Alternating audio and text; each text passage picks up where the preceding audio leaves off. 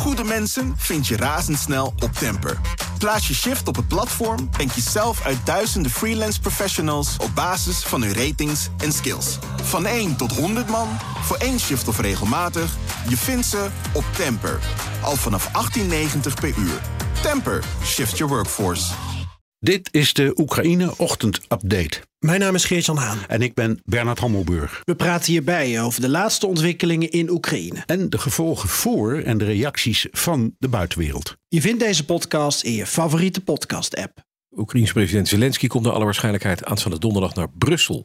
De grote vraag is, wat heeft hij op het programma staan? En maakt Oekraïne zich nu op voor zo'n Russisch offensief? En wat kunnen ze verwachten? En wat is hun reactie? Nou, we gaan er uh, allemaal over praten met uh, Bernard Hammelburg, onze buitenlandcommentator. Bernard, goedemorgen. Goedemorgen. En met Europa-verslaggever Geert-Jan Haan. Geert-Jan, goedemorgen. Goedemorgen. Allereerst, Geert-Jan, even een ander ding. Want er zijn Nederlandse Kamerleden uh, in Kiev op dit moment. Wat doen die daar? Wie zijn het? Ja, het uh, presidentieel kantoor van Zelensky, uh, een belangrijke medewerker daarvan, Ihor Zhovka, die meldt dat nieuws uh, vanochtend aan Oekraïnse media. en je ziet een, een foto ook van Nederlandse Kamerleden van de Buitenlandcommissie, die in ieder geval dan dus gisteren in Kiev zijn geweest om bij het kantoor van Zelensky te praten over ja, alles wat er nu speelt rond de oorlog. Um, met als belangrijke ja, boodschap, de, en zo wordt het dan genoemd, de implementatie van Zelensky's vredesformule. Je weet misschien nog wel dat tienpuntenplan dat Zelensky een tijd geleden presenteerde. De weg naar vrede. Nou, dat stond onder andere op de agenda. En op de uh, foto's zie je inderdaad uh, ja, voor ons bekende uh, hoofden uit het Nederlandse ja. parlement. Kijk aan. Dan dat bezoek wat Zelensky mogelijk gaat brengen aan Brussel. de voorzitter van de Europese Raad, Charles Michel, heeft de Oekraïnse president uitgenodigd om deel te nemen aan een, aan een top in Brussel. Zegt zijn woordvoerder Barend Leids op Twitter. Ja, dat ja. klopt.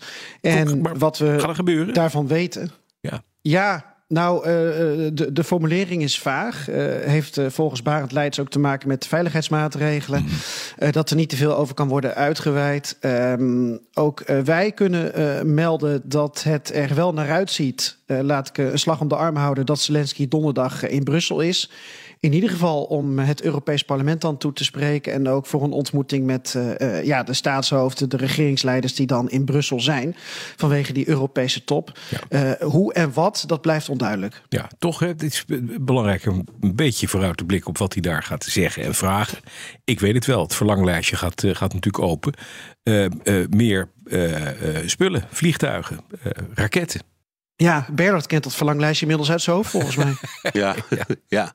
Ik, ik overigens die formulering van die, uh, van die woordvoerder, die vond ik wel uh, apart. Die had het over dat Zelensky is uitgenodigd om persoonlijk deel te nemen aan een toekomstige top. Nou kan een toekomstige top natuurlijk ook gewoon donderdag zijn. ja. ja. Maar ik moest er wel om lachen toen ik, toen ik, uh, toen ik zag, ja, dat, dat lijstje is inderdaad steeds hetzelfde. En het is toch interessant, uh, Geert-Jan en ik hebben het daar heel veel al over gehad. Want Zelensky heeft de neiging om het steeds op te duwen. Hè? Om steeds om meer te vragen. Ja. En dan gaan of het nou Amerika is, of de, de, de, de, Europese Unie of de NAVO, doet er even niks toe. Iedereen trapt dan op de rem, zegt ho ho, niet zo snel, niet zoveel, geen uh, raketten voor de lange afstand, ik ja. bedoel maar iets. Uh, en langzamerhand komt het er allemaal toch. Precies. Dus op die, je kunt zeggen, op die gevechtsvliegtuigen na heeft hij vrijwel alles wat hij wilde ja. uiteindelijk ook gekregen. Mm -hmm. Het begon met helmen. En inmiddels zijn het tanks ja. en, uh, en, en heel geavanceerd uh, geschud voor uh, de lange afstand. Ja. Dus uh, dat, op, op dat pand zal die ongetwijfeld doorgaan. Ja, ik vond de reactie van Ben Wallace, de minister van Defensie van Engeland, wel mooi vorige week. Die zei: Ja, het is nu nee, maar we weten hoe het gaat. Het wordt vanzelf een ja. Ook Precies, als het ja. gaat om die, om die jets. Ja, ja, dat is natuurlijk toch, toch nou, het verhaal. Dat zou wat zijn hoor, maar goed. Ja. Nou, en of. Ja, dat is wel Poetin. Die heeft zich daar ook al over uitgelaten. Toch steeds meer in, het, in de positie komen dat hij kan zeggen: Ja, kijk eens, ik vecht tegen de NAVO. Met de spullen van de NAVO. Bestuurd door Oekraïners die getraind zijn door, door de NAVO. Dus ja, ja. heb ik. Ja, goed, maar dat, dat argument heeft de minister van Buitenlandse Zaken Lavrov van ja. meet af aangebruikt. Precies. En dan, en dan kun je ook de vraag stellen: wat maakt het nou uit? Mhm. Of het, laten we zeggen, artillerie is van het type HIMAR. Daar kun je wel ver mee schieten, maar niet zo heel ver. Of die nieuwe raketten die er nu aankomen, die 150 uh, kilometer ver kunnen komen.